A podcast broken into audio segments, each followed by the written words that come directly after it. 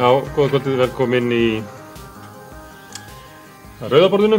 Í kvöld ætlum við að, að fjalla um kótakjörfið eins og við hefum gert á, á miðgutugum nokkur skipti og nú er komið að kabla sem heitir Saga Samerja. Samerja er náttúrulega stórumerkilegt fyrirtæki í, og var til eiginlega innan kótakjörfisins og hefur vaksið þar meira heldur en nokkur önnur fyrirtæki og Saga Samerja er þarlandi ágættisleið til þess að að skoða kótakerfið og hvernig það virkar í raun.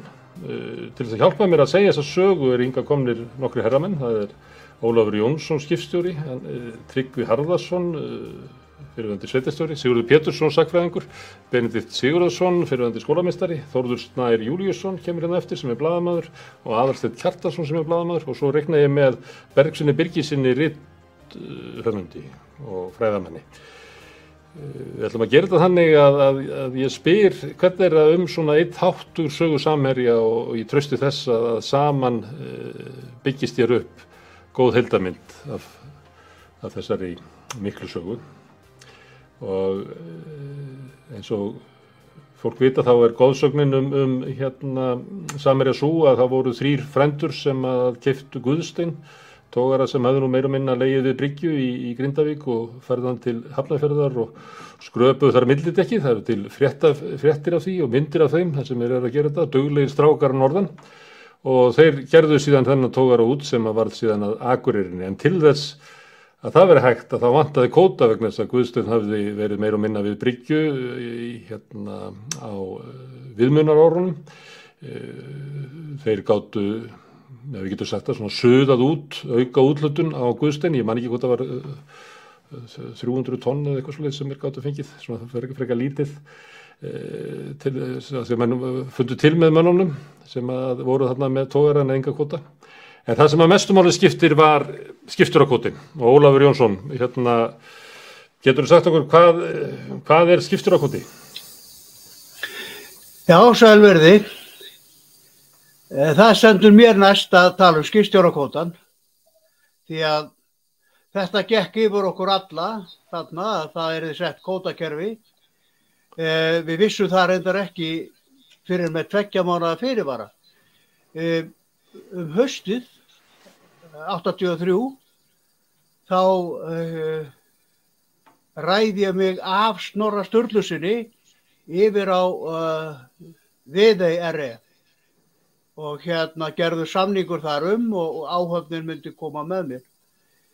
Nú, það heyrðist ekkit meira, sko, heyrðist aldrei neitt um þennan kóta fyrir en í november þá heyri ég fyrst af þessum kóta og, og, og það renna, renna á mig tvær grímur og hérna uh, þetta þingist róðurinn og að, að, það er greinilegt að það er komin alvara í það að setja kótakerfið á, það var um og upp úr áramótorum og máli stóð þannig að við áttum að reikna okkur kóta eftir fjórum viðmöðunar árum og hérna velja þrjú ára af þeim.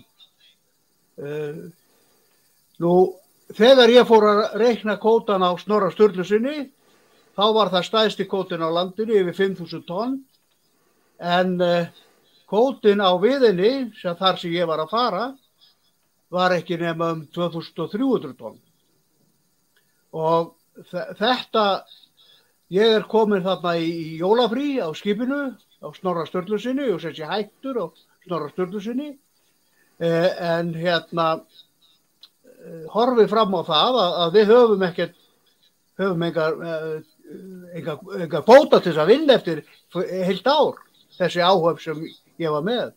Og sem ekki er langarsögur stutna þá fekk ég viðtal hjá Haldóri Áslýsinni og haldið ykkur nú því að þessi, þessi saga sem hefur verið búin til í kringu skipstjórakótan hún er eiginlega eina réttlætið sem var í settingu kótakerfisins. Þegar ég kem á fund Haldós Álgríssonar þá byrjaði hún á að segja við hann hvað danskotan er að láta játnið hafa kóta. Það eru menn sem, sem, sem unnur sér inn þennan kóta og það, það, þú, þú hefði bara átt að útluta þessu á áhafnina. það gengur ekki, sagði, það gengur ekki, sagði hérna Haldur. Þá hefðu þið aflaskustjórandir gengið kaupum og sölum og það kemur ekki til greina ég leiði það. Ok, svo þarna hófust upp viðraður og ég fór að lýsa fyrir Haldóri hvernig aðstæðarna væri hjá okkur. Og jú, hann sagðist, hann sagðist myndi hitt okkur aftur eftir nokkra daga. Og þegar við hittus aftur þá er hann komin með lausn á málinu. Og það var þessi lausn að þær áhafnir sem væru á þessu tímabili var ekki beint tiltekið heldur þessu tímabili yfir ætla að hafi þá ekki verið þessi tvö ár uh, 83-84 væru að, að fara á melli skipa þar sem skipstjóri og meirinuti áhafnar færi með. Þeir fengu að taka með sér sína reynslu. Og við skipstjórandi fengum ekki neitt eins og, eins og margir halda fram þetta byggðist allt upp á því að kótarnir væri á skipum eins, eins bíblalegt og það var nú. Kótarnir eru alltaf að vera bundir við skipin. Og þannig var það til að ég og Steini Villa vorum báðir í þessu aðstöðum bara nánast nákvæmlega eins þegar hann var að fara á eigi skip og ég var bara að fara á skipan en, en við fengum báðir þennan, þennan e, fluttning á, á okkar reynslu yfir á nýtt skip. Og síðan heyrði ég þarna að einhverjum línubási fekkuleið e, eitthvað voru sögursaktir um aðrir hefðu fengið þennan kóta en hérna Þeir, ég sagði alltaf að kótun hefði verið vel komin af Kaldbakk alveg eins og af Snorra hjá mér og, og, og hjá skólabróðum mínum uh, Steina og, og fannst bara ekkert skrítið við það að, að þeir hefðu fengið henn að kóta yfir það skip sem þeir voru að fara að gera út. Eh, en svo, ef maður horfir aðeins fram í, uh, fram í tíman frá þessum putti, þá gekk þeim náttúrulega feikilega vel og voru þarna með einna fyrstu fristutórunum velbúið skip, mjög flott, flott búið, eh, hvað vinsluna varðaði. En eins og kom fram núna í, í, í, fyrir stöttu í viðtali við Steina, þá, hérna, þá höfðu þeir ekkert hugsað út í það hvernig þeir færi af því að fá auka kóta því að þeir voru bundið með eitthvað 2000 tonna kóta af Guðsteini, eitthvað rétt rúmlega 2000 tonna kóta en hérna og, og Steini var að segja að við vorum að velta því fyrir okkur hvort að við þurftum að kaupa upp skip, gömur skip sem ætti væru með kóta og, og hvernig er færa því. En þetta gekk eins og ég segi vel að hjá þeim og ég ætla aðeins að skjóta inn í smá sögu sem hérna segir okkur svolítið hvernig, hvernig, hvernig þetta ægslaðist hjá þeim. Því að stuttu setna, eitthvað innan við tveimur áru setna voru þeir komni með annan tóra og það stóð ekkit annað til hjá þessum, þessum aðtapnamönnum uh, en, en að bæta þessi skipum. Og byrtist ekki hefða sögur raskati hjá okkur í skerjatýpunu uh, uh, bátur að nafni Þorsti frá Samerja og hann var þannig búin að hann var með fristivélar lítill skip þið þekkið norsku litlu norsku tórna, þetta var svolítið skip. Að hann á að fiska bara karfa. Og jújú jú, eh, hann kom þarna og við, við vorum í spjalli við hann og svona og, og, og hérna og hann var að fá, fá það eitt og eitt tonna karfa allt í einu kemur hann í stöðina og segir við okkur hérna djöfullir sjá, nú fekk ég bara ufsa, ég fekk átjón tonna hóla ufsa já ok já og hérna En hvað er ég að gera við hann? Ég, ég kem einhverjum uppsa í þessi tæki. Þessi tæki eru bara fyrir karfa. Og þá fer gáð alls konar spekulasjónu hvort það geti sett þetta fram hjá einhvern veginn utan á kælana, ég veit ekki hvað og hvað. Nefna, kemur hann ekki inn og segir, ha, þetta er allt í lagi, ég talaði við kallin. Hann saði hend þessu bara. Og þetta er nú það sem hefur loðað við fristutórarna. Uh, bæði Samerjaskipin og fleiri að það er brottkast. Mm. ef það passar ekki í vinsluna eða passar ekki í tækin þá er fljótaðasta leiðin að henda þessu bara og kasta aftur.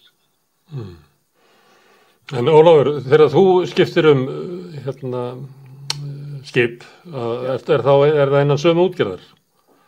nei, nei, nei, nei, það skipt engum máli nei, Það, nei, þannig, að- þannig að þú fórst með raunverulega færðir nýri útgerð uh, mismunin, uh, töluvert mikinn uh, kóta sem að var til Já, það engu. má, það, má alveg, það, það má alveg segja það eins og ég sagði við eins og kom fram hjá mér áðan að ég sagði við Haldur að, að hérna að hverju fylgi sko ég vildi meina að svona ætti þetta að vera að, kvótandir ætti bara að fylgja skipstjórunum en það mátti ekki því að þá fengjum við hærri laun hérna skipstjórunir og áhafnendar en, Mm. en, en hérna já ég fór þarna yfir og En, en ég var bú, búin að gera samkomulag uh, þar sem okkur hafi gengið mjög vel í, á Snorra Sturlusinni, eh, ekki bara fiska heldur líka vorum við með margar toppsölur bæði í Þískalandi og Englandi.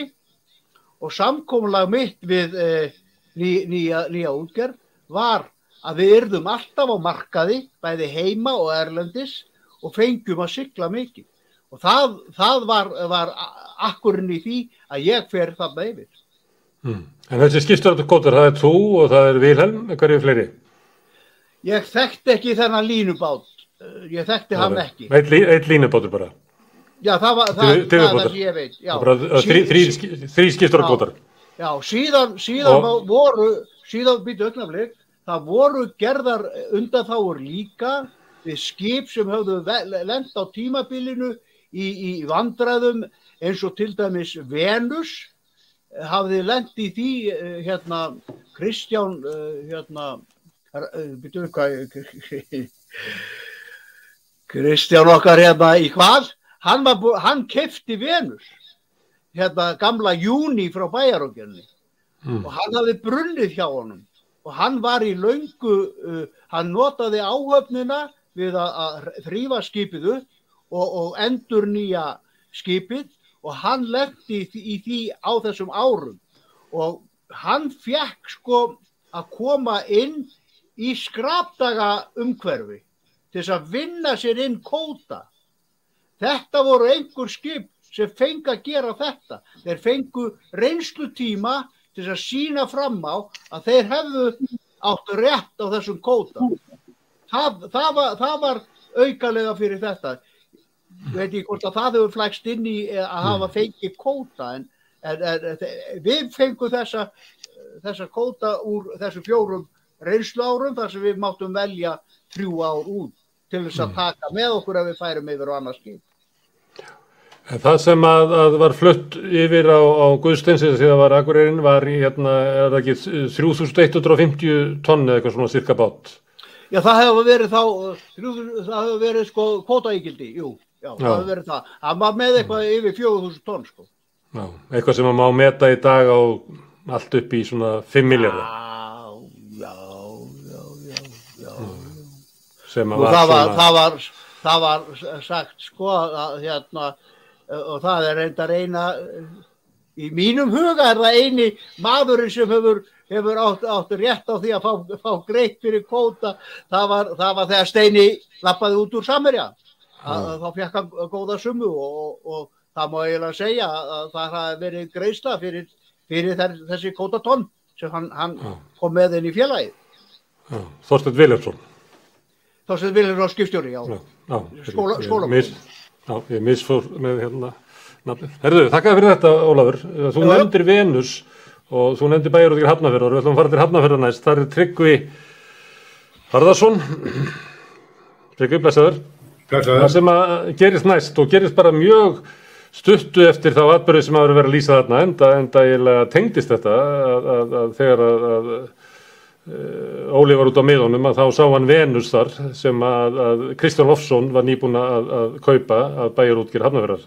Bæjarútgjör Hafnafjörðar átti þá þrjá tógara og, og fyrst var Venus, sagt, var það ekki júni, mann ekki hvaða hérna að það var? Allavega, allavega kefti Kristján 1 en eftir sáttu tveir og þá hérna endaði það þannig að Samherji á samt hagvirki kaupir bæjarútgjur hafnaverðar þetta er alveg uppafs árum uh, kvotakerfisins og þegar maður skoðar það af, umfjöldunum þetta í fjölmjölum þá sér maður það að það er eins og menn hafi ekki gert sér grein fyrir verðmættinu kannski voru þeir einu sem að tengdu þess að gerðu sér grein fyrir verðmættinu voru samverjamenn sem að eins og Ólafur var lýsa höfðu fengið þarna yfir 3000 tonna kóta skindilega hvernig, kannst þú að segja okkur frá því hvernig þetta vildi til og hversu svona auðveldlega þetta rann í gegnum bæjastönd hafðaferðar að, að selja samherja bæjarútgjörðina?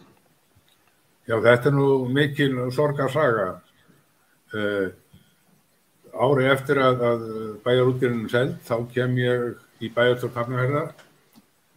Uh, eitt af því fyrsta sem við letum gera eftir að við hefum tekið alþjóðflokkurinn við völdum í bænum á samt alþjóðbandalegi að kanna hvort að ákvæði um að gera úttóðarana áfram frá Hafnarherði myndi halda. Það var í stuttumáli sagt nýðurstaðar lögfræðinga að það veri alveg vonlust að halda því til streytu. Bæjarútgerðin náttúrulega hafi verið stopnuð af alþjóðflokknum í kreppunni til að skapa aðtunni í Hafnarherði og það má því segja að sjómenn og verkarliðurinn í Hafnarherði hafi skapað þann kvóta sem fór síðan út úr bæjarfélaginu á norður. Það var miklar deilur um söluna. Það voru gríðarlega margir hafðfyrringar sem höfðu sterkar taugar til bæjarútgerðinar, höfðu unnið þar, margir á tógurum og aðrir í fiskvinnslunni. Þegar ég er ungur í, í, Gagfræðaskóla í Flensborg og Mentaskóla, þá voru sendir heilu bekkirnir til að vinna í bæjarútgerðinni þegar það var landburður af fiski til að bjarga verðmættum. Þannig að það voru ákvæmlega margir hafðfyrringar sem höfðu taugar til bæjarútgerðinar, tógarna og fiskvinnslunar. Síðan þegar að uh, bæjarútgerðinu seld með þeim tógarum sem eftir voru, 1985 eða mann rétt, þá var salan, uh, fór salan fram bak við luktatýr.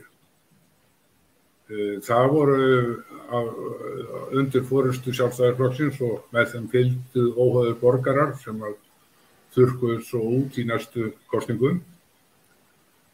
En ég held að þetta hafi verið hafðfyringum afar þungbært, ekki að þeir verið að hugsa endilega bara um peningana, heldur um atvinnuna, atvinnuna sem hafi verið haldið, veitt tugum og hundruðum hafðfyringa vinnu í gegnum tíðina.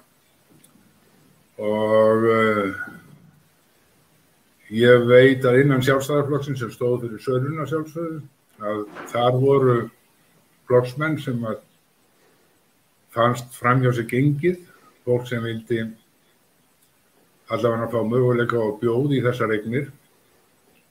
Uh, ég man að Guðrún Lárustóttir, útgjörðarkona, hún var mjög sári yfir því að henni skildi ekki hafa gefist kostur að koma á borðinu þegar þessi sala fór fram. Nú, hvernig þetta fór síðan, uh, tógararnir fóru náttúrulega allir um börtu og, og fiskvinnslan sem endaði í eigu bæjarfuttur á sjálfstaflokksins þá og, og, og hérna hagverkja samsteipunar. Uh, þar var bara uh, selt allt löst inn úr húsinu sem að voru eitthvað verðmætt í og, og ef ég maður rétt þá fór hitt bara á hausin og, og þannig að þetta var mjög sorglegt hvernig þetta dæmi allt fór og endaði og hvernig á þessu var staðið. Hmm. Rökin sem að voru notuð uh, voru þau að bæjarútgjörðin gengi illa, hún verið skuldflug, hún verið byrði á bæjarsjóði, að það verið langt best að fá hingað fólk sem að kynni að reyka fiskvinnslu útgjörð til þess að koma, uh, renna tröstar í stóðum undir atunulífið í bænum. Þetta er svona ræða sem við þekkjum og hefur verið farið með víða um land, en þetta var nákvæmlega svona, þetta var, voru rökin fyrir því að að það væri léttir fyrir bæjabúa að vera laus við þetta svo framalega sem einhverju dugleiri menn varu til að taka þetta yfir. Já, ég held að þetta sé nú góðsögni. Það lág alveg fyrir að allt frá því að bæjarútgerðin er stopnað upp úr 1930 þá voru sjálfstæðismenn ansnúnir því að, að menn væri að reka svona útgerða félagslegum grunni. Uh, menn gleyma því að það gekk mísaflega hjá bæjarútgerðinni, stundum grættum mikla peninga. Uh, fyrir það var til dæmis steift strangatan sem var þá fágætt á, á þeim dögum það var byggt ráðhús og, og, og bæjabíó sem er núna einhver eftirsúðasti tónlistastafur landsins. Þannig að verðmættin skiluðu sér inn í samfélagi. Uh, stundum var tap á bæjarálgjörðinu og rekstriði hennar og stundum var líka mikill gróði og ég held að menn hafi nota tækifæri þegar að hvað vest stóð á. Þetta voru að marguliti erfið ári í útgerð og losa sig við bæjarútgerðina og ég reynd þá bara gefa frá sér miljardar verðmæti sem að hafðfyrringar hefðu skapað í gegnum tíðinu. Hmm. Mundið þú vilja að það verði ennþá fiskvísla í hafnaferði, að verði tógararna, að verði eitthvað að gera í höfninni? Það af svo sem reynd að, að sitja lífi í höfninni aftur, þannig að það verið þjónusta við tógara sem að veið á grænlandsmiðum og, og þarna er stór þurrkví sem að setja svona sterkarsvip á höfnina þannig að, að það hefur verið margt reynd til þess að setja svona lífi í höfnina en, en, en að, öll starf sem er bæjarátgerðinar sé farin, það er mikil, mikil bunur. Mundur þú vilja hafa hana ennþá, heldur að bæjarbúar bæjarsjóður og bæjarbúar stæðu betur með því að hafa fiskvistuna eða fengur bæjarbúar bara kannski eitthvað annað betra í staðin? Nei, ég held að þetta hafi verið einn mestu viðskipta afklöp sveitarstættin á Íslandi með hvernig var staðið að þessari sölu og uh, sala bæjarútgerðarna var upphafinn á endinu á, á, á útgerð og fiskvinnslu í Hafnahöldi. Það hafi verið smá fyrirtæki hérna að vísu gangandi og einhverju bátar. Þetta er orðið nánast ekki neitt við að við hvað áður var. Og þetta var náttúrulega einn ein af undirstöðum í atvinnulífi bæjarins, það var útgerð, það var ekki bara bæjarútgerð, það voru fleiri aðeinar sem voru mjög öflugir, en þetta var svona upphafið endalokunum og, og, og, og eins og ég segi, þetta var afar grátlegt að sjá hvernig þetta fór allt saman. Og um, klukkunum verður ekki snúið við en, en vissulega fóru þarna miljardar verðmæti sem að haffyrðingar áttu í reynd en fóru fyrir slikkið ekki neitt. Já, voru svona félagslega regnir sem enduð í höndu forra. Herðu Tryggvið, þakka fyrir þetta. Við ætlum að hérna setna, eftir nokkra þætti, þá ætlum við einmitt að tala um bæjarútgjörðir. Þannig að þá fæ ég kannski þig eða aðra haffyrðingar til þess að ræða það. Ég veit að Ólafur, skipstjóri sem var hérna áður, hefur vil endilega ræða til dæmis um bæjarútgjörð Reykjavíkur og hafnar því algjörlega að hún hafi verið í, í einhverjum íllum álum og hafi verið nöðsin að samin að íspilnum og búa til granda. Þannig að við kannski ræðum um svona félagslegar útgjörðir, það eru nú nokkra til ennþá, þannig að við gerum það kannski, ég bæði kannski að heyri í þér setna um það. En við ætlum að fara núna til Ísafjörðar og ræða við uh, Sigurd Pétursson, sakfræðing, sem er frá Ísafjörði. Uh, hérna Tryggvi nefndi svona lofórð um það og þar sem að bæjar fulltrúar voru að reyna aðtók hvort að vera hægt að láta samir að standa við það að það erði áfram e, fiskvinnsla í hafnafyrðu og gert út þaðan. En e, tógararnir og, og hérna fiskvinnslan ekki flutt burtu. E, Guggan verður áfram gul er eiginlega svona farægast að svona lofórðið sem hefur verið og hefur verið hluti af, af verbúðinni, vinsaldi í sjónvarsýrju. Hvernig, kannst að segja það, af hverju hérna Guðbjörgin var seld? Af hverju það þótti skynsanlegt að selja hana akureyringunum eða samin hana inn í Samirja, það er nú reyndar þannig sem það var gert. Kannst að segja það svo? Af hverju þessi, þessi þörfar að, að, að fá samirja inn í útgerina. Nei, það vantar hljóðu þá þér. Það vantar hljóðu hjá þessu urður. Það er slögt þín megin.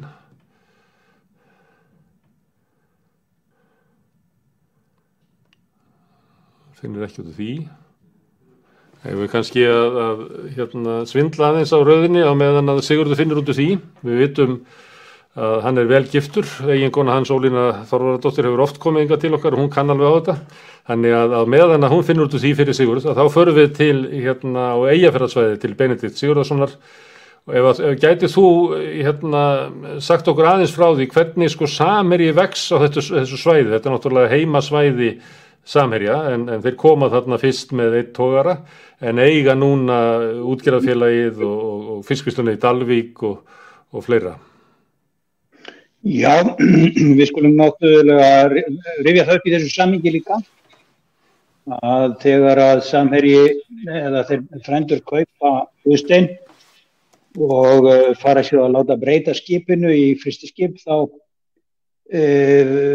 voru þeir ekki kannski þetta aldir lánshæfir af stór uh, bankakerfinu fisk og fiskveðisjóði þannig að þeir þurftu að fá uh, bæjar ábyrð og uh, það var svona kannski fyrsta pólitíska svona núningurinn sem að ég, við getum rifið upp í þessu samingi vegna þess að það var ekki alveg svona sjálfgefið á, á, á vettvangi pólitíkurinnar í bænum á sínum tíma og ég held að við getum alveg takkað uh, líkilmönnum í framsunarfloknum það eða þeir geti takkað þeim uh, Stefáni Reykjælin og líkilmönnum framsunarflokksins á þeim tíma hafa komið stíð það skref.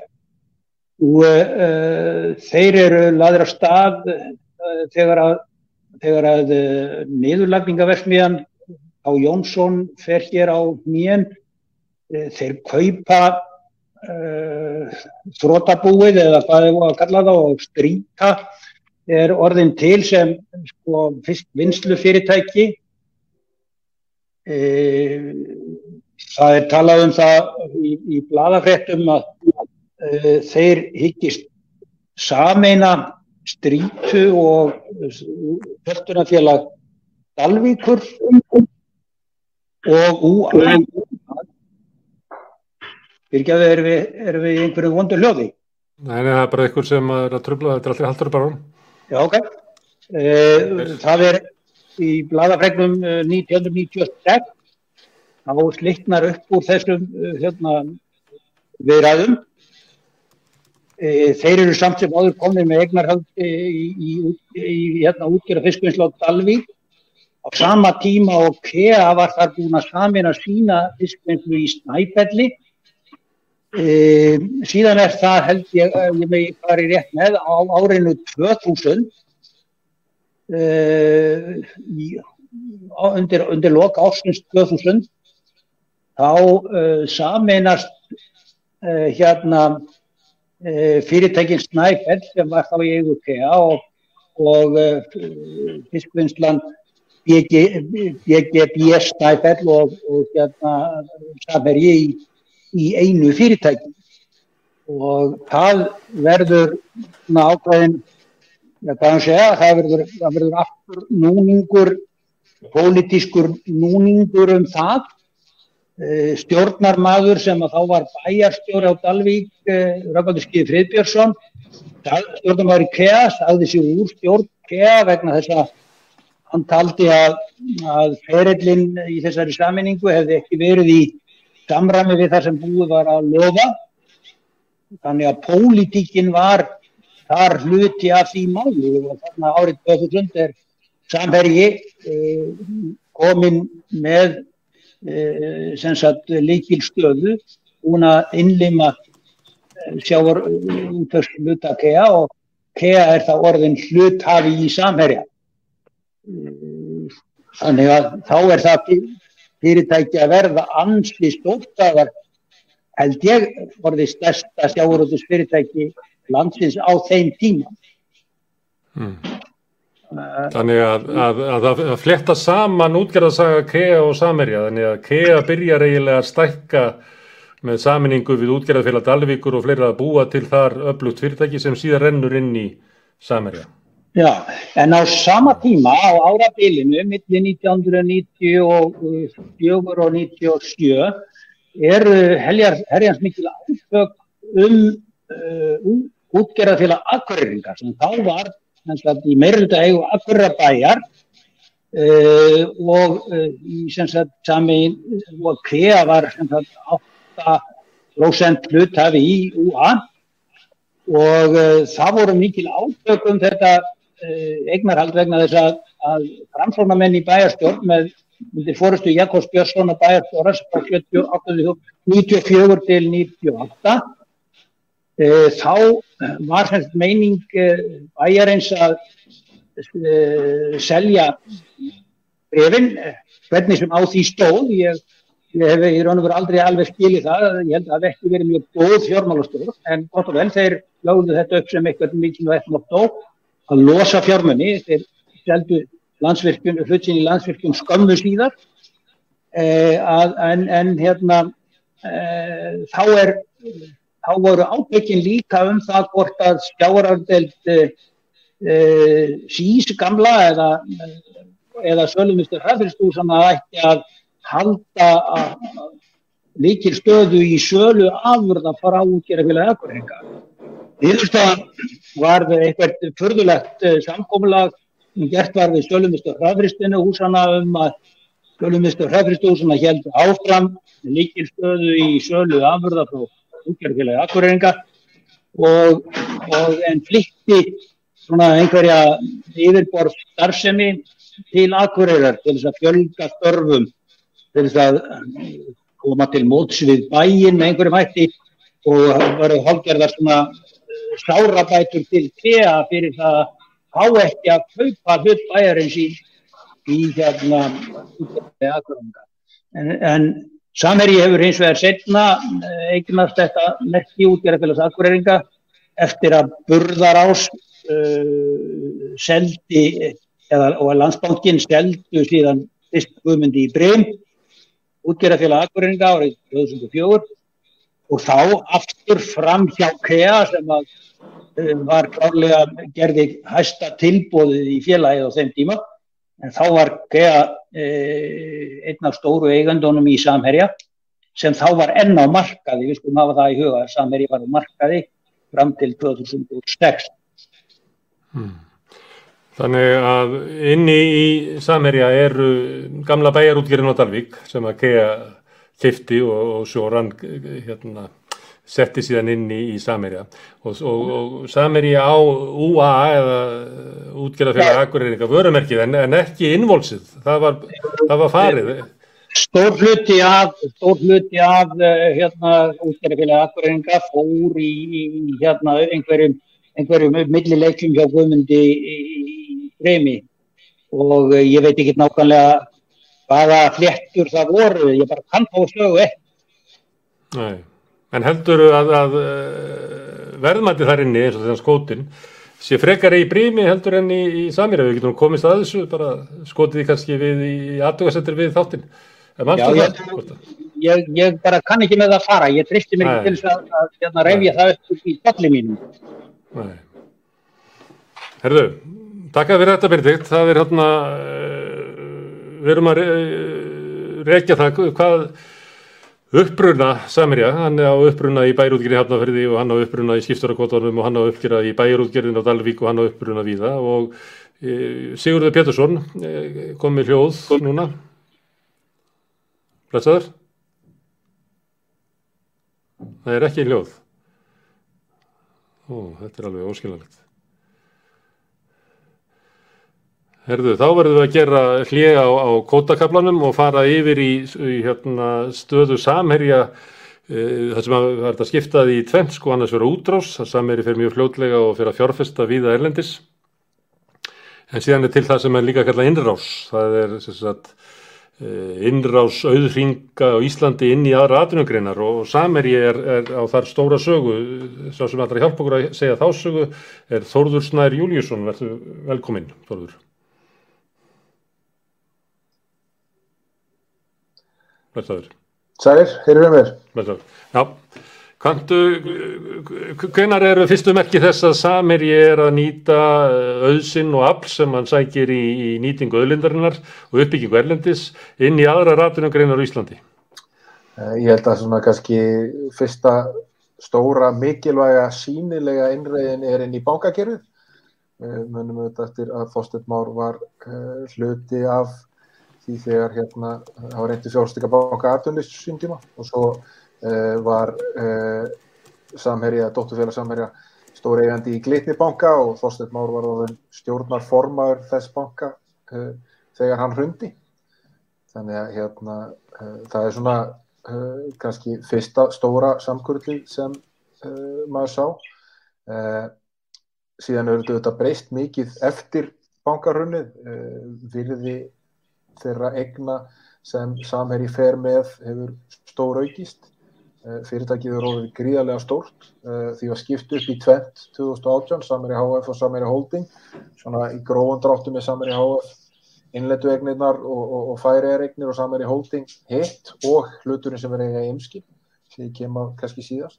Og sammeilegt uppgifið eigi fyrir þess að tvekja fyrirtækja var í loka árs 2020 um 140 milljarar en líklega er, er, er upplusnaferði eh, eignaðir að miklu miklu herra vegna þess að, að, að, aflaheimildir sem eru eigfærðar eru þetta eh, eigfærðar á munlæra verði en eh, viðskipti með þær uh, gefa til kynna að raunverulegt sé.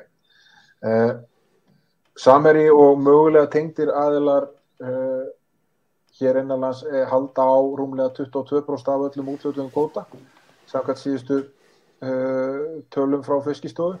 Það er rátt við Sameri HF, UA sem er í 100% eigu, Samherja, útgerðfélag aðgöringa, Síldavinsluna sem Samherji og félaga þeirra í Kjálkanessi sem eiga útgerðna Gjögur Eh, eiga meiri hluta í eh, meðal þeirra sem eru eigendur eh, í Gjögur er Björgólu Jóhansson sem tíma var fórstjóri í Samherja og Sangitseftiliti hefur verið með það til skoðunar hvort að þeir að tólka þessa aðeila sem tengda aðeila þannig að þeirna saman er þessi blokk með vel rúmlega 15 af öllum útlutum kvota og Uh, Samir hefur nýtt enn kraft sem, sem, sem aflaheimildinnar og sterkstaða sjáuröldu hefur veitt en til þess að fara inn í allskeins önnur sveið íslenska atvinnulífs. Uh, þeir voru til dæmis inn í fyrirtæki svo Völku sem var nýlega selt til Marel. Uh, Kristján Viljámsson hefur verið að gera sem er gildandi í fasteinna þróun meðal annars í miðbæði Selfossar sem er svona meir og minna verkefni sem er tengt honum og hans samstagsmönnum þar. En fyrirtækið samherji eða fyrirtæki sem þeir eru að stóra hluti eins og Sildavistan eh, eru líka uh, mjög víða í skráðum félögum þeir er sjöndi stæsti hlutafinn í smásólurissanum högum með 4,44% hlut Samherji Holding hefur verið stæsti eigandi einskipafélagsins með þriðjungs hlut og Baldvin Þorstesson hefur þar verið stjórnaformaður og verður núna fram að næsta aðalfundi og frendið er að er fórstjóri þess félags. Uh, áður en síldavinslan var sett á markaði fyrra þá var uh, félag í eigu hennar sem heitir SVN eignafélag og er stæsti eigandi sjóvar fætt til fyrri hlutafa síðan borga út sem arður til fyrri hlutafa síldavinsluða sem eru stæstir þar eins og ég nefndi á það Samherji og svo, svo Kjálkanes sem er í Gjögus fjölskyldunar uh, sjóva er síðan auðvitað mjög umsjáðan mikil fjárfæstir mjög víða eins og tryggingafjölu gera. Og Björgólu Jóhansson fyrirandi fórstjóri samherja og þeirra sem eiga Gjúður og Kjálkanis er stjórnáformaður sjófa eh, hvað fleira? Þeir hafa verið mjög umsöðamiklir í, í fiskgeldi þeir eru með mjög stóru áformum uppbyggingu á fiskgeldi hér á landi. eh, til dæmis er ætlun að byggja 40.000 tonna lagseldi eða landeldi á lagsi á Reykjanesi í Helgvík eh, sem á komast í gegni á næstu árum og, hérna saman er líka á spila sem heitir Silvurstjarnan í Öksarfyrði og er verið með stækkunar áfram þar. Uh, og svo auðvitað hafa uh, samherji gefið sig að fjölmjölarrekstri bæði fyrir norðan í gegnum, uh, gegnum hérna síldavisluna eða félagi sem síldavislan á í í N4 og svo auðvitað var samherji stór hluti af hóknum sem kefti morgunblæði 2009 sá sem leiti þann hópar Óskar Magnússon uh, sem er stjórnumæður í Samherja og einn nánast í samstagsmaður Þorsteins Más. Og hann varð útgefandi morgunblass í kjölfarið og Samherji var á meðan stærstu eigenda. Um, og svo þegar leið á, leið á þetta eignarhald útgerðana á, á, á morgunblæðinu þá uh, færði samherji og síldaminslan uh, eignarhluti sína í félaginu yfir til uh, Eithors Arnalds sem hefur verið oddviti uh, sjálfstæðsflokksveitni Reykjavík. Lánaði honum raunverulega fyrir hlutum, hann lagði ekkit út þú voru bara að færa hlutin yfir á hann. Og síðan hefur það lán verið afskrifað þannig að það er raunverulega verið bara parkera hlutum þar til að deyja eða virðist deyja ef við vorum á þannig. Uh, þetta eru svona kannski breyðu línurnar uh, í, í, í því hvernig samherji hefur drift úr sér í, í íslensku aðtunulífi uh, og, og ef við tökum þetta saman þá er þetta ansi mörg svið. Einu stærsta fjölmjölafyrirtæki landsins, í stærsta smásalar landsins, í stærsta skipafyrirtækinu í einnig mest vaksandi gerinni lagseldi hafði átt viðkomu á afdreifaríka viðkomu í bankakerfinu uh, og svo þetta hérna með er stærsti, eru stærsti er hluti af hóp sem myndar stærsta eignarhaldið í, í, í einu stærsta tringafélagalansins. Hérna, uh, fyrsta svo nefndir var þegar Þorstein Már gefti hluta í fjárfæstingabanka Adolísins að þá var hann ásamt Jólu Sveinsinni, Jóni Ólafsinni og Jóni Áskeri, þá voru þetta svona ungir menn sem að voru augra kolgrabanum, en svo þegar sagaðinn heldur áfram að þá er eiginlega samherri komin með svona eignir sem að þá voru skilgreinda sem svona eignir kolgrabans, eimskip, sjófá, morgumblæðið, er þetta saga um gödudrengina sem að, að fara í slag við gamla, gömlu penningana og eignast á?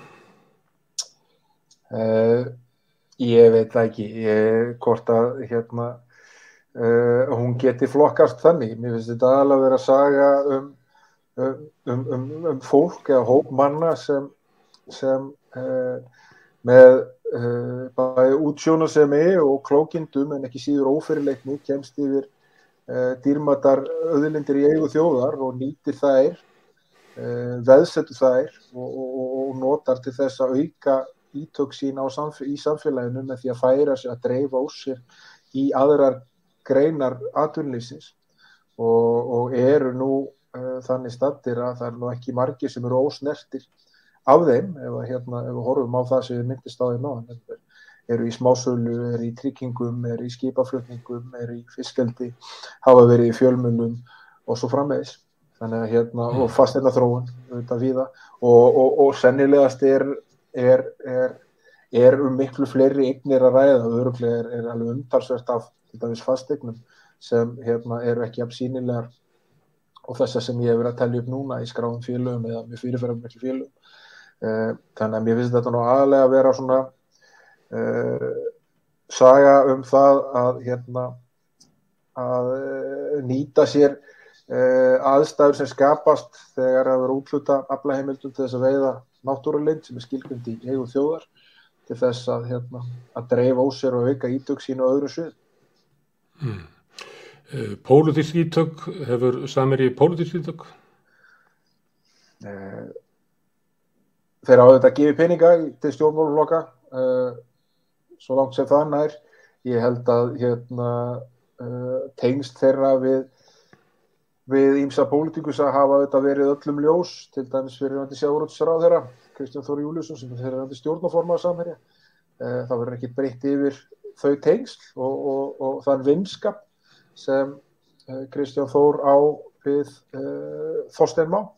Var fleiri þingmenn verið annarkort að störfum hjá samherja eða persónulega samskjöld, með Spjöldvælu Gíslason var skipstur í samherja og gott að var er það ekki ennþá frá visti grænum hversu mikið uh, það hefur skilað þeim í einhverjum ítökum.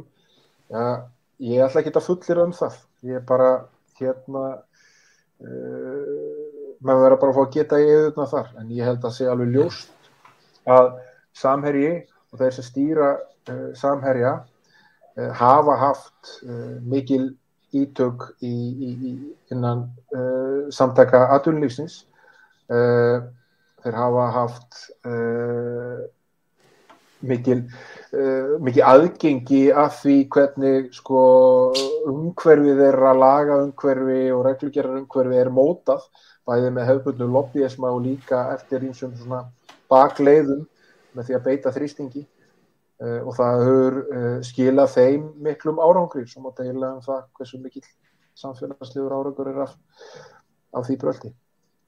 Hmm. Herðu, kæra þakki fyrir þetta Þorður Snær að, að segja okkur frá innrás Samerja í Íslenskt atvinnu og visskiptíf. Þá er komið að þeim kabla í þessum þætti að við reynum að ná sambandi við Sigur Pétursson og Ísafjörði. Hann er, nei, nú er hann horfinn. Hann sagði, sendi mér tilkynningur um að vera komin inn aftur. En þá förum við út í heim, Aðalsteit Kjartason. Hérna, mjög, til dæru að snemma með þetta fyrstu svona sjávarðursfyrirtækjunum sem að fara að fjárfesta erlendis, það er Samiri kanntu að segja okkur svona hvernig það byrjar? Og... uh, Já uh, út á Samherja. Um, hún hefst til dæru að snemma eins og þú segir og það er strax uh, bara í kringu 1995 sem að Samherji fer í svona skipulaða útrás þá köpaði hluti í, í uh, Þísk útgjörðafélagi DFFU uh, sem er gefið sko, fjögurskip og, og samfélaga stofnuðið er framherja í færiðum ásand uh, þarlendum einstaklingum og, og gerði út eitt skip. Svo árið setna þá eru þau búin að stofna sölufélag á Englandi og köpa svo skorska tógarútgerð með eitthvað þrjúskip og Fljóðlega eftir það kaupaði líka hluti í bandarísku útgerðafélagi og östuströndinni þar. Eh, og svona gengur þetta áfram og samherri gerir sér svona stærri og breyðari á þessum stöðum og, og hérna, eh, stekkar við sig eða stekkar útgerðafélagin með einum eða öðrum hætti. Svo 2003 að þá er, er svona eh, einn af þessum stóru punktum í þeirra útrás og sögu þegar það uh, hefja útgett í Pólandi undir merkjum Atlantex. Og svo kaupa þeir inn í uh, kaupa sér inn í norska útgerð. Og þarna í kringum hrunið 2007-08 að þá eru þeir með starfsemi í, í Breitlandi, Færiðum, Þískalandi, Pólandi og Noregi og voru mjög stoltur af því. En það fór aðeins minna fyrir uh, starfsemi sem þeir keiftu í Afríku 2007 uh, þá keftu þeir hafðfyrir útgerð sjólaskipa sem var nú uh, hafðfyrsk útgerðaðum að rétt uh, sem að byggði nú mest fritt á, á hérna, verksmiðu tóra í norður hluta Afriku út fyrir stundum Máritanju og samir í kefti þetta fyrir einhverja 12 miljardar hérna 2007 þau kauprendar endur síðan í, í rannsókn og, og hérna ákerri hérna heima þegar kaupverði rataði ekki alveg réttu leið en það sem út úr frá útrásarsögu samherja og snýri nú að, að þessum sjólasískjum Það fer svo hrætti við sögu þú nefndir hann í upphafi að hérna, þau keftu þetta og svo keftu þetta og þetta og það er næstu á hverju ári hvar fenguðu peningana fyrir þessu? Eru umundur um það? Já það, þeir hafa verið alls í snallir rekstramenn eh, eigendur samherja uh, þeir uh, gera ágætlega með, með íslensku útgerðina og það er náttúrulega grunnurinn af þessu veldi í dag uh, síðan hafa þeir náð að snúa rekstri þeirra fyrirtækja ofta tíðum sem þeir kæftu á þessum já, tíu daratögnum og, og hérna í byrjun þessar aldar úr svona frekar lélugum rekstri yfir í, yfir í mjög arðsamann eh, papirunum allavega og það hefur síðan veitt hérna, tækifæri til að uh, fjárfasta enn, ennþá frekar.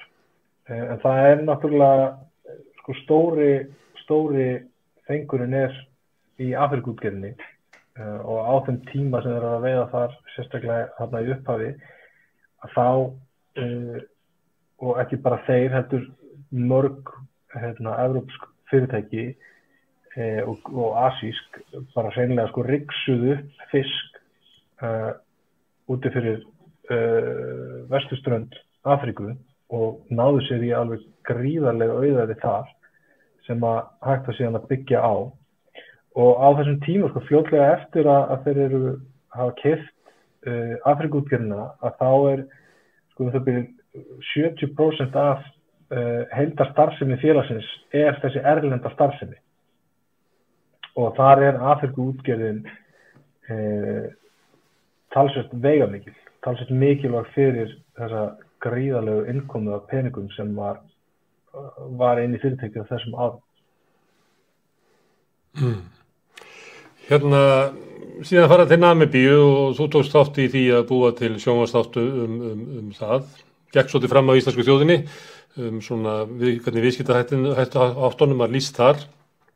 Sömur hugsuðu nú sem svona að þetta byggum við nú til, þannig að, að fólki fannst kannast við margt þarna, að svona hvernig staða hins sterka er nýtt til þess að, að komast yfir auðlendir almennings. Kannt þú að metta það? hvort að, að hegðun samherja í Afríku sé tengd Afríku meira en samherja eða er þetta bara íslensk íslenskir útgerðumenn, hvernig þeir hegða sér hér og annar staðar komið kannski út í svona manna veldi? Það er ekki hægt að kenna neinum öðrum um uh, hatt sem í samherja heldur en þeim sem að heldur þar á, á heldur þar í töfmanna sko. Þetta er ekki það er ekki nöðsynlegt að, e, að borga áhrifamönnum e, inn á álandsreikninga til þess að stunda viðskipti í Afriku. Það er bara einhver, einhver draugasaga, einhver, einhver hérna, e, legasaga. Um, og það sést kannski best á því eins og við bestum á í, í bókinni sem við skrifum um, um þetta samhengjaskjala mál e, líka e, að ef að samherji hefði farna inn og gert það rétt, fæðar í, í sitt samstað við, við kvotaleifishafana sem var hluti af því starfsemi sem er ákveð í Namibíu, að þá hefur þeir auðvitað geta uh, grætt verulega á því. Það er algjörlega þeirra fórsendum og þeirra vala að fara inn í þá viðskipta hætti sem að afhjúpaðir voru í umfyllurinni um, um þessi samhengjur skjöl og þau samskipti sem að jafnvel hafa síðan bæst við eins og í umfyllun og í stundinni síðasta sumar þá rættum enn frjálslega um það sín og milli að, að komast í samband við áhrifamenn og, og, og pólitikusa til, til að koma eh, hagsmunum samherja þarna í námibíu áfram. Þannig að ég held að það sé alls ekki hægt að segja það að þetta sé bara leiðin til að stunda viðskipti í Afríku. Þetta er eitthvað sem að Íslandingarnir tóku með sér. Finnst þér eftirmálin að þessu, eftir að umfjöldinin var um þetta hér, um, hvernig þeir hérna, sátum bladamenn og, og þú ert náttúrulega e, var stemt í yfirreyslu sem e, hérna, réttarstöðu Grunarsmanns finnst þér þau viðbröðu öll vera svona afleðing af svona ógnarstyrk þessa fyrirtækis? Það er erfitt fyrir mig að segja. Um, ég held að sko, það er, það er ekki vaf á því að staða samherja uh, á Íslandi og, og víðar uh, er mjög sterk og það eru margir sem að reyða sig á fyrirtækið, hvort þeim er um atvinnu eða e, e, e, einhverja styrki, samherji er einhvern náttúrulega þannig samfélagssjóð og er duglegur að styrkja íþróttafélug og alls konar starfsemi, þannig nýbúið að opna skíðaliftu sem að er að megnum til greita þeim. Þannig að samherji hefur náttúrulega jákvæð áhrif mjög víða á Íslandi og eru stort og öflugt fyrirtæki þar sem það starfar. E, það kann alveg að hafa einhver áhrif á e, hvernig þeir upplifa svona sín viðbröð og upplifa nöðsum þess að beita aðferðum sem að hinga til hafa ekki, ekki þekst á Íslandi til að, til að reyna að verja sig. En það er náttúrulega bara getgáttur sem er hmm. Alls þeir Þakka kjallaði fyrir að fara með okkur með samir út í heim. Hérna ætluðu, hefðu venjulega verið að enda suguna en það eru, eru tveir kablar sem að duttu út út af þeknum ástöðum og við ætlum að gera hérna örstutlið, komum strax aftur með þá tvo kabla eftirmála. Já, þá erum við komin til Ísafjörðar, til eh, Sigurðar Péturssonar, sem er reyndar ekkert á Ísafjörði en, en ég ætlum að tala við um atbyrðu Ísafjörði sem að eru kannski svona þetta þekktustu eh, hlutunum í, í sögu samýra það fyrir að, að, að, að guggan fór. Kant að segja okkur hérna af hverju það kom, uh, af hverju svo varð niðurstöðan, hvað, hvað var að því á í útgerð hérna Guðbjörgar þannig að til þess að hérna það þurfti að sækja samýra þarna inn og saminað inn í samýra. Já, þetta er eh, spurning sem að menn hafa held ég velt fyrir sér og ekki komist ennþá að alveg niðurstuð. Sko, flestir trúðu því að Hrönn HF sem að gerði út Guðbjörgina eh, væri nú bara eitt sterkasta útgerða fyrirtæki á landinu á sínum tíma. Átti glæsilegustu tógarana fiskuðu mest allra vestfjörðartógara og, stundum aflahæsti tógar í landsins. Og þess vegna var þetta gríðalegt áfall þegar að, að tógar eða guggan var seld sem sagt inn í samherja eða umgjörða félagin saminist og en á bakvið þetta voru reyndar ástæður sem að menn hafa svo sem að vera að, að koma fram með svona setna e, þeir voru nýbúinir að kaupa nýjasta tógarans, nýjustu gugguna sem var þá fristi tógari en ekki ísfyrst tógari eins og tveir sem voru undan tveir tógari sem þar voru undan. Og e, þessi tógari var náttúrulega gríðarlega fjárfesting og hann þurfti að veiða 6.000 tonn allavega til þess að, standa undir sér og á meðan var verið að skera nýður þorskveiðarnar ár frá ári að þá var þetta, þetta erfiðar og erfiðar að, að útvega sér auka kvóta til þess að veiða og kvótin fór að, að hafa verð og, og verðmiða og síðan voru það náttúrulega bankarnir þarna bakvið og ég hef nú grunum og ég er rannsakað aðeins betur að bankarnir hafi nú haft þarna töluvert um að segja. En af hverju samherji var í svona líkillu vinnfengi við bankana? Það veit ég ekki heldur. Nei. Í mörgum samningu þar sem að saman verið að kaupa minni fyrirtæki sem að voru oft í einhverjum erfiðleikum gæti verið vegna þess að það hefði verið dreigið úr abla og, og menn hafðu hérna, þurft þá mátti ekki þóla það vegna þess að menn voru nýbúin að köpa skip eða eitthvað slíkt eins og dæmi með gunguna að þá er það eins og að það sé bankin sem ákvöðu það að það sé betra fyrir mig að, að, að samir ég skulda mér þetta heldur en hrönn heldur að það geti verið að, að því að bankin er bara alltaf að leita að því að hafa sem örugost sín útlón að þeir hafi bara kosið að, hafa þessa skuldara frekana hérna Já, það, þetta lítur oft hannig út sko og, og gerði þá sínum tíma að, að þegar þessar útgerðir hver að pætur annari hér fyrir vestan ég segi hér fyrir vestan já að það voru náttúrulega hér 10 til 11 tógarar þar sem núna er Ísafjörðabæður og Bólingavík og Súðavík. Og uh, síðan bara fjallu þessi fyrirtæki hvert á fætur öðru. Það var ekki vita til þess að þau skulduð eitthvað meira heldur en önnur fyrirtæki á landinu í útgerð.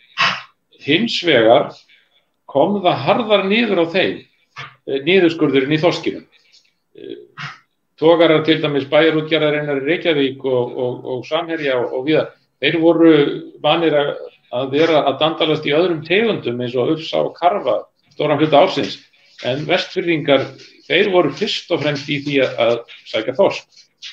En svo þegar að þorskurinn mingar alltaf sem hlutfalla af, af veiðunum, að þá njóta vestfyrringar ekki lengur þessara nálægða við þorskmiðin og þurfa að fara að sækja gráluð einhvers stað lengst austur fyrir land eða söður fyrir vestmanni eða hvað, hvað sem þeir voru að sækja. E, þetta var til þess að útgerðinu sennileg ekki sínt eins goða fölur og bankarnir ákveða greinilega að þessar útgerðir á þessum litlu stöðum fyrir vestan séu ekki nógu örugar að einhverju leiti. Þarna blandast saman einhver fjárhagsleg, banka og stjórnmáraleg sjóna með held ég. Hmm. Já, það er hérna uh, Tryggvi Harðarsson var hérna áðan að tala um bæri útgjör hafnaferðar sem hefði verið byggt upp uh, bara að bænum og með bæjabúum, erfiði sínu, byggt upp sjárútu í, í, í Hafnafjörði. Uh, hvaða, nú er, var hrönn ekki bæjarútgerð og, og það voru ekki bæjarútgerðir neinu ráði þarna á Ísafjörði, en hvaða hlutverk höfðu þessi fyrirtæki svona í, í bænum? Hvernig litur bæjabúður á það varðandi svona atvinnu og uppbyggingu bæjarins? Sko það var nú, auðvitað voru þetta enga fyrirtæki, það er alveg rétt. E, e, og til dæmis tógarefni hérna bæði Guðbjörgin og Júliussin lögðu upp hérna í Efraísúsi sem var að hluta til í eigu bæjarins um, um tíma að minnstakosti. En hvort sem heldur var í Hnífsdal, Volungavík, Súðavík eða bæði frístuhúsin á Ísafyrði að þá leit fólk auðvitað á þetta sem fyrirtæki heimamann, fyrst og fremst. Og þá skipti ekki máli hvort að það var bærin sem átti þetta eða, eða einhverjir aðrir heimamenn. Og þess vegna var þetta svo mikil áfall einmitt þegar að, að Guðbjörgin er seld að þá er þetta svona stórt uh, bara áfall fyrir samfélagið að, að þetta skulle geta gerst. Og menn voru kannski ekki búin að átta sig almenna á þessu, það var sagt að, að þátti áfram að, að landa aflanum, svona svipaði eins og í, í verbúðarmyndinu um daginn og tógarinn snýri svo við í, í fjárðarkjaftinum en og jáfnvel undir skrifaðu, skrifaðu samningur um það að, að það ætti ekki að fara með aflaheimildirnar í burtu. En ég man nú eftir því að, fadir minn sem var nú þá formaður í verkefælisfélaginu og fleiri hristu nú bara hausin yfir þessu og, og treystu þessu alls ekki en það kom það í ljós að þetta var náttúrulega til þess að komast yfir fiskveiði heimildir þær voru aðal máli þarna þegar kemur fram yfir 1990. Mm. Og mikið af svona því afli sem áður var að Ísafyrði er nú búið bú að innlima inn í Samerja og drýfur áfram þá vel til þess að Vissulega og svo var kald, kald þannig náttúrulega svo að, að bæjarstjórin í Ísafjörðabæ í skjóli sjálfstæðisflokks að hann, hann er, er, er milligöngum aður þarna um það að þetta gengi allt saman smurt fyrir sig. Og, og síðan árið setna er hann farin upp úr bænum til Akureyrar og komin í stjórn Samherja. Og svo sem pólitíska feril kannski að stóna hluta undir, undir Samherjum. En, en þeir sem lifðu upplifðu sko skuttóra tíman hérna fyrir vestan upp á 1970 og ára tvíina 1970-90 gríðalegu uppbyggingu sem var hér á öllum sviðum samfélagsins byggði auðvitað á uh, skuttuvarunum fyrst, síðan rækjuvinnslunni og fleiru að, að þeir náttúrulega bara, það var svo grátleg þessi, þessi, þessi hnignun sem var þarna eftir 95 til 2005 þessi gríðalega hnignun sem verður í öllu aðtarnalífi í sjáurútveginum og svo í öllum bæjarfélagunum allt í kringum fyrir það Herðu, Sigurður, kæra þakki fyrir að skjóta þessu inn í svona eftirmála af þettinum. Það vantar ennþá eina sögu en við munum skjóta henni einhvern veginn að rauðaborðunum einhvern hætti. Kanski verið lítill aukaþáttur þar sem að Bergsveit Birgisson mun segja sína sinn bút úr sögunni af Samerja. En ég þakka þeir sem að hjálpa okkur við að segja söguna núna í kvöld. Það er Ólafur Jónsson, Tryggvi Harðarsson, Sigurður Pétursson, Benedikt Sigurðarsson, Þorður Snær Júliusson og Aðalsteinn Kjattarsson og svo sjáum við til hvernig við getum skilað sögunni frá Bergsveit Birgisson. Takk fyrir í kvöld.